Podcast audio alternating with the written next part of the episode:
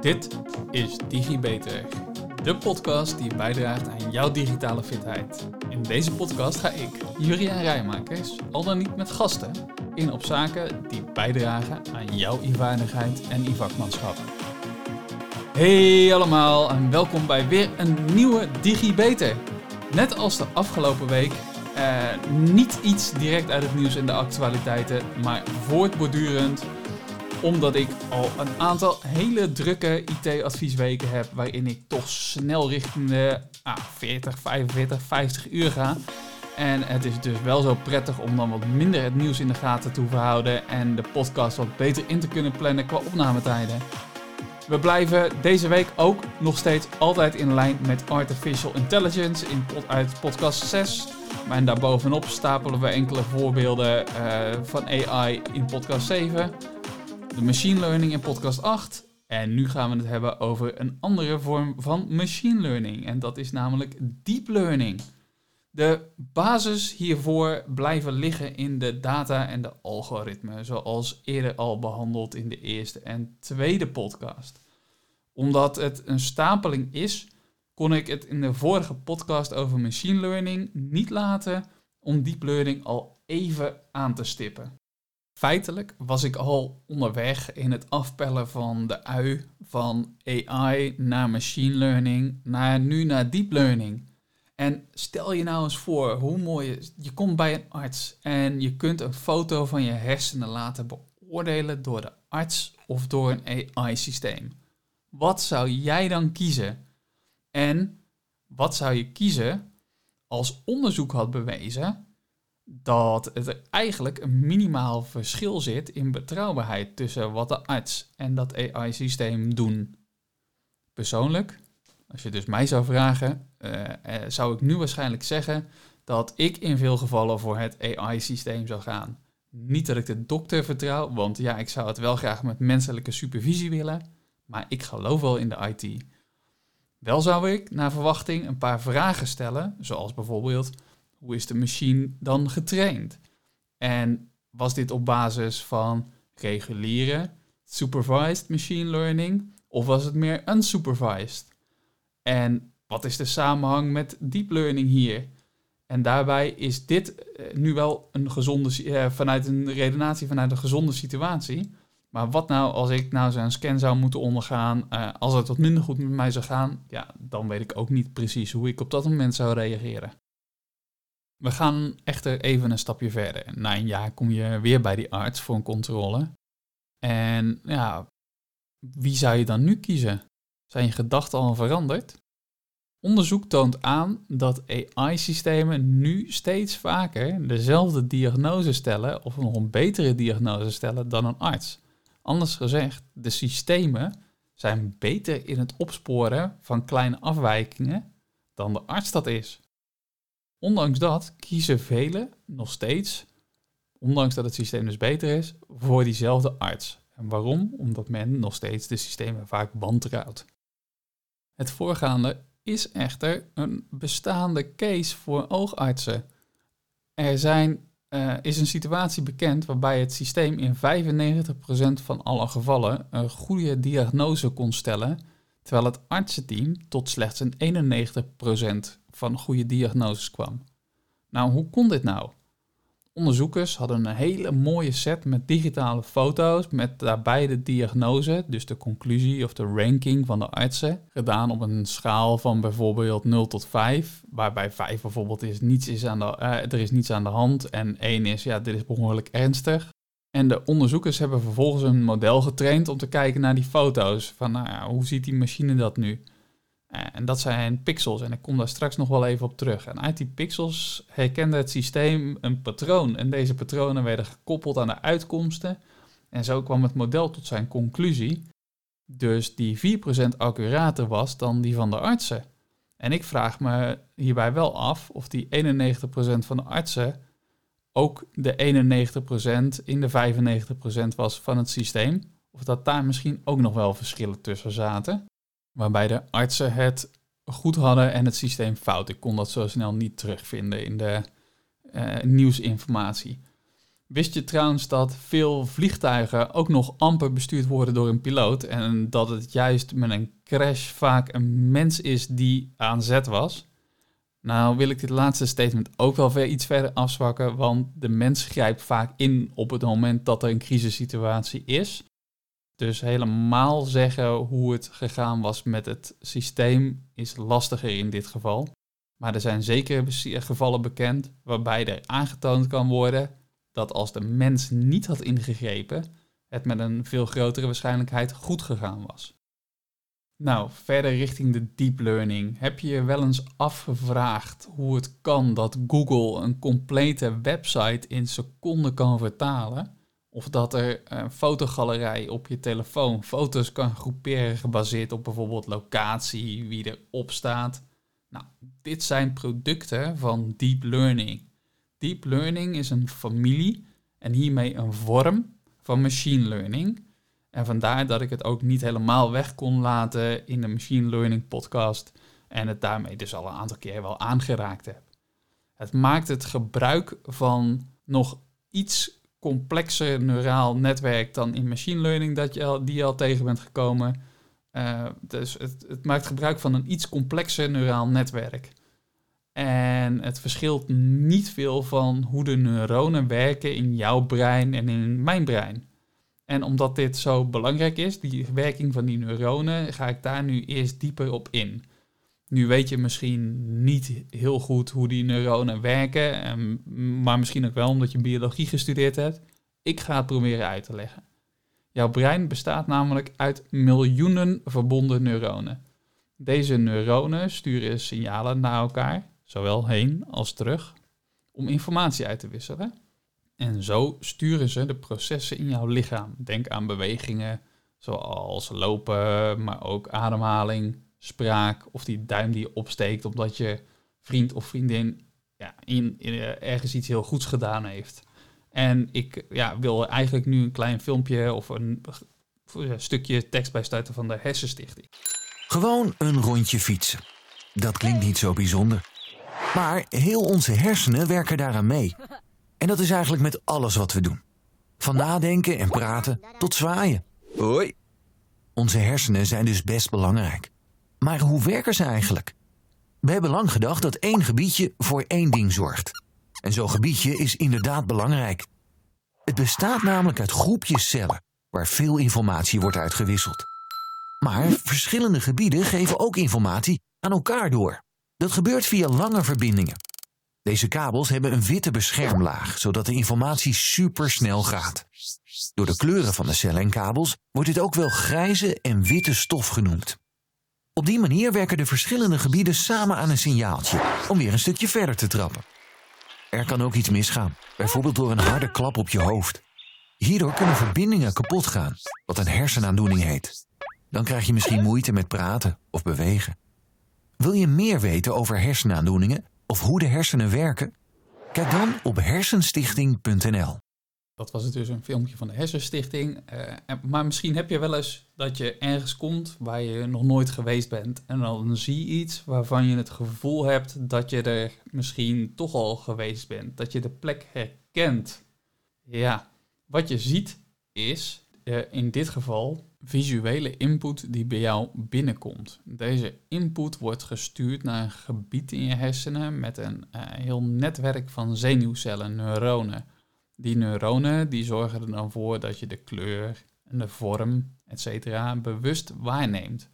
Maar een vorm of een kleur is nog niet per se een plek waar je ooit geweest bent. Door het doorsturen van de vormen en de kleuren naar de volgende set met neuronen worden ze gecombineerd tot iets wat je bijvoorbeeld kent of herkent. Weer iets verder komt er dan misschien ook nog een gevoel of een gedachte bij. En dat alles gebeurt in fracties van seconden, dus milliseconden. Dit geeft je het gevoel dat je misschien daadwerkelijk wel ergens geweest bent, een mogelijk punt van herkenning. En dat mogelijke gevoel van herkenning, dat is je output. In een AI deep learning netwerk zijn uh, deze neuronen natuurlijk geen hersencellen, want ja, we hebben geen hersencellen op plaatjes zitten. Zo'n netwerk bestaat veelal uit rekenkundige operatoren zoals uh, vermenigvuldigingen en optellingen. En de inkomende signalen worden door een neuron, oftewel een processor, geanalyseerd. En deze uitkomst wordt dan als, samen met een berekening doorgestuurd naar de volgende neuron, dus de volgende processorkern, die het dan weer gebruikt als input. Een processor uit een kunstmatig neuraal netwerk zou je dus kunnen vergelijken met een biologische hersencel, oftewel een neuron. Dankzij software kunnen deze kunstmatige neuronen met elkaar communiceren door signalen die verstuurd worden door de verbindingen daartussen. Dus de verbindingen die tussen de neuronen liggen. En op die manier worden inkomende uh, stukjes informatie stap voor stap geanalyseerd en gewogen. Nou, laten we het eens proberen toe te passen op een foto van een hele hoge kwaliteit. Ik weet niet of je dat kent, hè? het formaat dat heet RAW. Een beetje zoals een leeuw. Um, dit, uh, dit RAW-formaat geeft heel veel pixels en eigenlijk niets meer dan een plaatje of een stukje tekst opgeknapt, eh, opgeknapt op, opgeknipt in hele kleine stukjes. En hoe dichter de stukjes op elkaar staan, hoe meer stukjes, hoe beter die kwaliteit is. En de digitale foto wordt aan het systeem gevoed zoals je een beeld voedt aan jouw hersenen. Dus de eerste laag neuronen gaat met dit beeld aan de slag. De neuronen analyseren en filteren de eigenschappen, zoals een kleurovergangen, de lijnen, de randen. Nou, als dit allemaal gebeurd is, gaat het razendsnel naar de volgende laag met neuronen. En die onderscheidt eh, bijvoorbeeld het maken tussen vormen, vierkantjes, rondjes, driehoeken, rechthoeken, etc. Nou, tot het kleinste detail wordt zo elk beeld volledig ontleed. En op basis van die ontleding zal het systeem bijvoorbeeld ramen in een, ja, in een bepaald bakje kunnen stoppen, een postbakje met ramen. En deuren in een postbakje met deuren. En bakstenen, nou, et cetera. De combinatie van dit alles komt waarschijnlijk in een ander bakje, namelijk misschien wel het concept huis. Het systeem heeft dan dus ontleed dat iets gelijk is aan elkaar of iets anders is dan iets anders en kent dus deze verschillende concepten. Maar er ontbreekt nog wel de werkelijke definiëring ervan. Dus ik ga hem nou wat verder inzetten. Ik ga hem wat verder uitdiepen. Als ik dit dus moet schetsen, heb je een aantal lagen. Je hebt een inputlaag van neuronen, die de invoer van een probleem probeert vast te stellen. Je hebt een outputlaag van neuronen, dat, dat is de plek waar alles in de postbakjes terugkomt, die de oplossing van het probleem voorstellen. En daartussen heb je meerdere lagen met neuronen die berekeningen doorvoeren. En het aantal ingangsneuronen is gelijk aan het aantal ingangsvariabelen. Het aantal uitgangsneuronen wordt bepaald door het aantal uitkomsten. In een rekenvoorbeeld, stel dat je bijvoorbeeld eh, 26 letters van het alfabet zou hebben, Iedere letter uh, bestaat uit een aantal pixels. En dit voorbeeld uit 16 keer 16 pixels. Dan hebben we dus een ingangslaag. En die ingangslaag is 16 keer 16 is 256 neuronen. En we hebben een uitgangslaag. En die uitgangslaag, nou, dat zijn de 26 letters van het alfabet. Dus 26 neuronen. Daartussen zit een heel aantal benodigde lagen en een heel aantal benodigde neuronen om ja, te komen tot die 26. Nou, gedurende het trainingsproces voor zo'n algoritme worden dus een heleboel onbekende elementen in de invoerdistributie kenmerken ontrokken en objecten gegroepeerd totdat er bruikbare gegevenspatronen ontdekt worden. In het geval met de artsen was dit een terugkerend patroon en dat patroon dat droeg bij aan het stellen van de diagnose.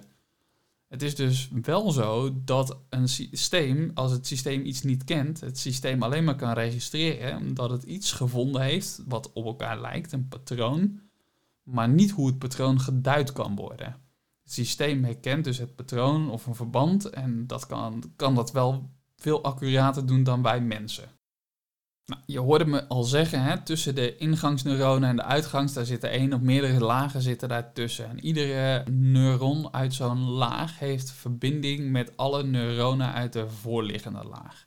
Dus iedere van die verbindingen uit die voorliggende laag kan een signaal overbrengen naar die ene neuron.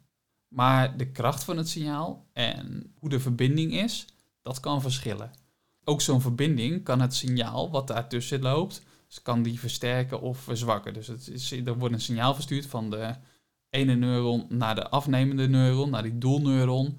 En dat, is een, dat signaal dat kan een bepaalde sterkte meekrijgen, maar terwijl het over die verbinding heen gaat, die verbinding kan ook dat signaal nog versterken en verzwakken.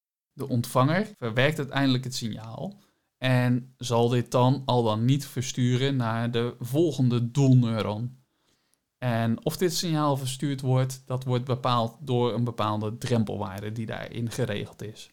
Een neuraal netwerk kan dus leren doordat er zelfstandig verbindingen gelegd worden tussen de neuronen.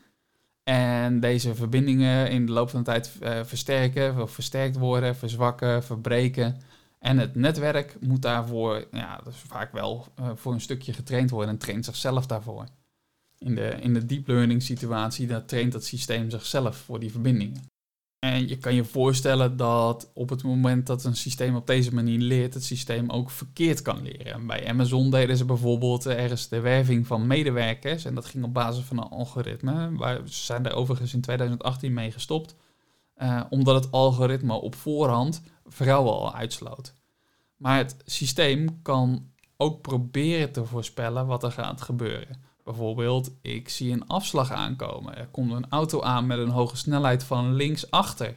Ah, misschien flitst die zo meteen wel voor mij langs zo die afslag op. Nou ja, dat is iets wat die systemen uh, op basis van voorgaande input kunnen leren. Maar die systemen leren dat natuurlijk wel net iets anders dan dat wij dat op die manier doen. Net als leren lezen, waar je begint met letters, spellen van een woord, leer je de machine stukje voor stukje wat het is en tot wat het zich kan vormen. En de machine ziet dus niet het beeld, maar ziet enkel de data, de pixels. Wel kan de machine ons vertellen tot wat die pixels zich vormen.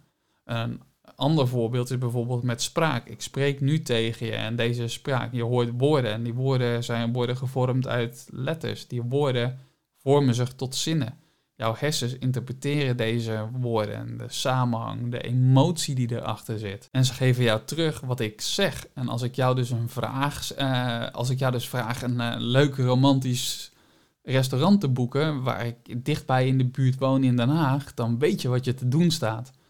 Uh, stel dat je een hele goede vriend bent en het is Valentijn en ik weet dat je zonder date zit en ik wil je plagen, dan zouden de neuronen dit kunnen bespeuren in de manier waarop ik dit zeg. En dus een andere interpretatie daarvan geven. Een machine heeft met dit laatste stukje waarschijnlijk nog een heel stuk meer moeite dan dat wij dat hebben, omdat hij de combinatie vaak niet goed kan leggen tussen bijvoorbeeld een Valentijn, eh, het feit dat het om, gewoon om een vriend gaat, dus de relatie die je hebt tot de andere persoon, de type emotie die achter de stem zit. Dus echt een kwestie van tijd echter voordat dit soort verbanden wel gelegd zullen gaan worden.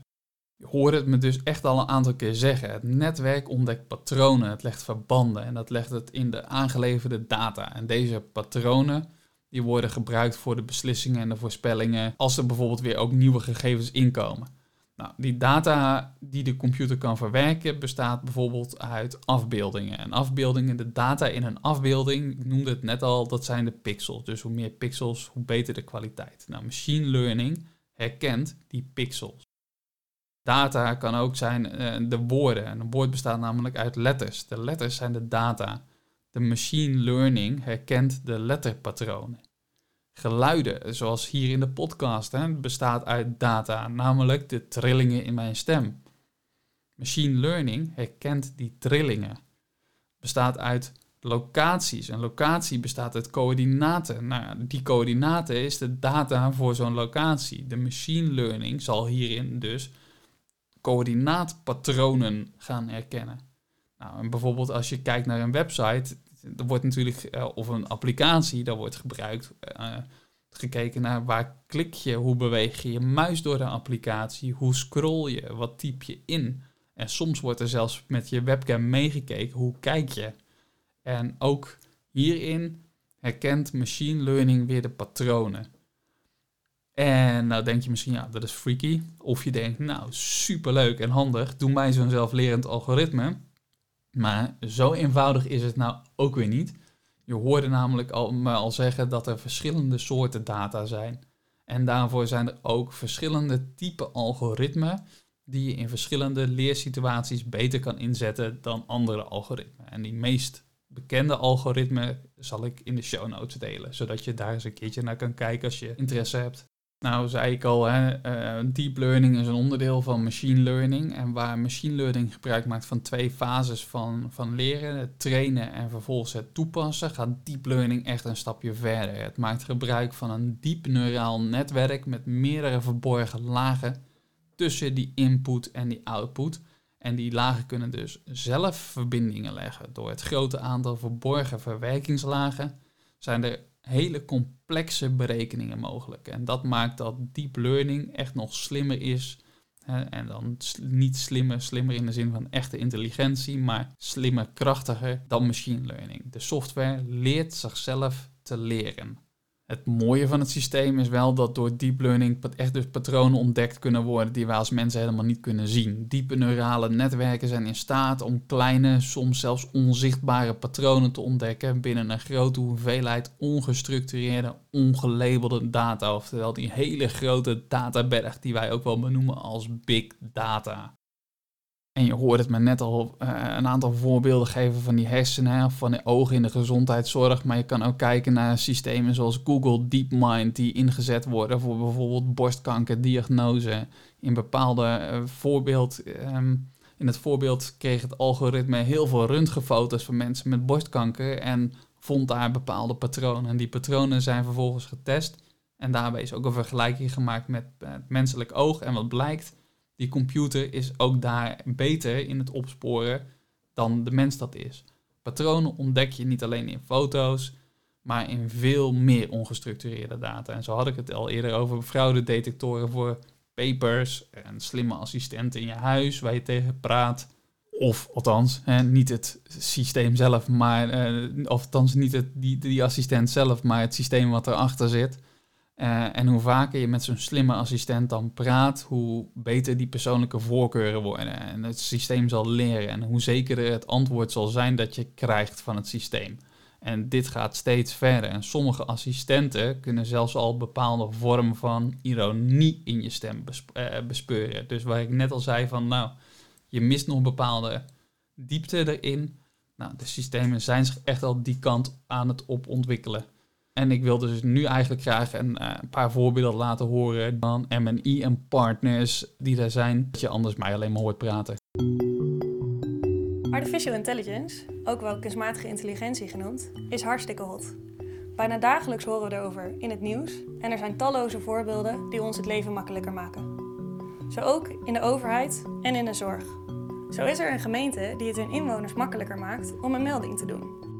Vroeger moesten ze uit een enorme lijst de juiste categorie kiezen, dit vervolgens ook voor een subcategorie doen en daarna pas de melding maken. Tegenwoordig kunnen ze gewoon de melding maken en kiest de AI op basis van die tekst de juiste categorie erbij. Zo ook een voorbeeld in de zorg. De radioloog die beoordeelt een CT-scan of er bepaalde afwijkingen zijn. Maar een computer die kan dit tegenwoordig ook. Maar hoe doet de computer dit? Dat is waar we nu verder op ingaan. Dat, hoe de computer dat doet, daar ben ik natuurlijk net al op ingegaan. Maar ik wil nog wel even een paar andere nuttige voorbeelden van deep learning aanstippen. Zoals bijvoorbeeld het ontgrendelen van je telefoon op basis van gezichtsherkenning. Gelukkig maakt het voor mij dan even niet meer uit of ik me een dagje geschoren heb of niet. Deze techniek maakt het ook bijvoorbeeld voor paspoortcontroles op Schiphol een stuk sneller dan dat ze vroeger gingen. Ook vertaalprogramma's zoals Google Translate, waar, wat ik net aan het begin al aanhaalde voor bijvoorbeeld de website, bevatten deep learning, waardoor woorden niet meer letterlijk vertaald worden, maar het systeem dus ook grammaticaal probeert te zorgen dat je passende zinnen terugziet. Nadelig is dan wel weer dat als iemand een foto van jou op bijvoorbeeld Instagram plaatst, terwijl Instagram je eigenlijk al kent, bijvoorbeeld op basis van data uit Facebook, of die foto's die je in WhatsApp gestopt hebt, er in één keer een heleboel verbanden gelegd kunnen worden tussen systemen en daarmee uh, veel meer relaties gelegd kunnen worden dan jou misschien bijvoorbeeld wel lief zijn. Zo'n systeem die dan uh, in één keer weet wie al jouw vrienden zijn, zonder dat je het ooit verteld hebt. En je kan je voorstellen als je dat een stapje verder trekt naar bijvoorbeeld eh, camera's op straat, dat zo'n ja, die, die gezichtsherkenning echt verder kan gaan. En dat dus systemen mogelijk worden zoals in China het social credit systeem, waarbij jij altijd gewoon herkend wordt op videobeelden en daar afgestraft kan worden op bijvoorbeeld overtredingen. Nou, op dat social credit systeem, daar wil ik nog wel een keertje op ingaan, want dat is typisch een voorbeeld waarbij IT, beleid, uitvoering, maar ook sociale aspecten een interessante rol spelen. Hoe ver mag je gaan in systemen die jou uh, een boete geven bij een kleine overtreding, of misschien nog erger, dat je strafpunten krijgt en daarmee tot een lagere klasse mens gebombardeerd wordt? Ja, dat zijn toch dingen die je niet wilt. Uh, maar ook deep learning op dit moment kent echt nog wel zijn limieten. En de eerste, en daar is die weer, dat is data. Hoeveel data kun je verwerken? Hoewel een deep learning systeem momenteel zo'n beetje de meeste, uh, zo niet de meest efficiënte manier is van het verwerken van ongestructureerde data, zitten daar ook de limieten aan. Een deep learning neuraal netwerk heeft massa's van deze data nodig om een goede, betrouwbare voorspelling te doen. Maar stel je nou eens voor dat we wel al deze data hebben, dan komt daar de volgende limiet aan. Dat is namelijk die data die moet verwerkt worden. Dat zijn hele zware berekeningen die absoluut niet binnen het bereik liggen van iedere willekeurige computer. Dus dat is je tweede limiet, je CPU, je centrale verwerkingseenheid. En misschien hebben we het zelfs wel over de GPU, de grafische processor, eh, de Graphic Processing Unit, die de taken van de CPU vaak al overneemt. Nou, dat, daar zitten ook hun limieten aan. Dus daar, ja, hoe groter die worden en hoe beter je die met elkaar kan verbinden, hoe krachtiger het netwerk. Het trainen van een neuraal netwerk dus vooral een hele sterke grafische processor, welke duizenden kernen hebben. Dus een grafische processor heeft vaak veel meer kernen in tegenstelling tot een eh, CPU. En daarbij kom je tegen de volgende limiet aan, namelijk dat is de prijs. Want die uh, GPU's die zijn natuurlijk ook een stuk duurder. Ze zijn een stuk sterker, ze zijn een stuk sneller in de verwerking maar wel ook een stuk duurder. En als je dus minder kracht hebt en dus minder geld wil uitgeven, dan kom je tegen een bepaalde geldlimiet hebt, kom je tegen de laatste limiet aan en dat is namelijk je trainingstijd. Zo'n neuraal netwerk, dat kan maanden duren of jaren duren of weken duren. Dat, ja, het is maar net hoeveel data je erin stopt voordat er bepaalde data uitkomt. En het aantal neurale lagen in dat netwerk, dat groeit en dat duurt dus ja, het kan dus duren. Nou, laten we even samenvatten wat we vandaag besproken hebben. Deep learning werkt op een manier zoals de neuronen in je hoofd ook ongeveer werken. Het is laag voor laag wordt iets geanalyseerd. Volgens de analyse, vervolgens worden die analyses samengebracht. En komt de voorspelling of de beslissing over hetgeen uh, waarmee je waarschijnlijk te maken hebt. Het patroon wordt dan inzichtelijk. Deep learning is een aaneenschakeling van wiskundige vergelijkingen. En dat kan in tegenstelling tot machine learning echt omgaan, heel makkelijk omgaan of goed omgaan met ongestructureerde data. Dus je hoeft er geen kenmerken en outcome aan mee te geven. Deep learning ontdekt namelijk zelf de patronen door te oefenen met de data. En door inzet van een neuraal netwerk kan je machine learning, hè, door inzet van, die, van dat neurale netwerk kan een machine duiding geven aan de data op een manier waarop we dat zelf nog niet gedefinieerd hadden. Oftewel, een neuraal netwerk kan informatie uit data halen die wij zelf nooit hadden kunnen vinden. Nou, dat was hem dan alweer. Dank je wel voor het luisteren. Ik hoop dat je na vandaag weer een beetje digibeter bent geworden. Tot de volgende keer, tot de volgende digibeter. Vond je dit nu een leuke uitzending en wil je meer weten? Abonneer je dan op de podcast door op volgen te klikken het duimpje omhoog en geef een beoordeling van bijvoorbeeld 5 sterren, zodat nog meer mensen deze podcast kunnen vinden. Wil je collega's, vrienden, familie, zoals je opa of oma, net zoveel plezier doen en ze digitaal fitter krijgen? Deel dan de podcast. En zo worden we samen allemaal digitaal. Heb je een vraag over wat er verteld is in de podcast? Een bepaald onderwerp dat je graag terug zou willen horen? Of wil je gewoon laten weten dat je erg van de podcast genoten hebt? Je kan mij feedback geven en vragen stellen via LinkedIn. Zoek dan even naar Juriaan Rijmakers. Hoe dan ook, na deze podcast ben je weer een beetje digifitter. Tot de volgende keer, tot de volgende DigiBeter.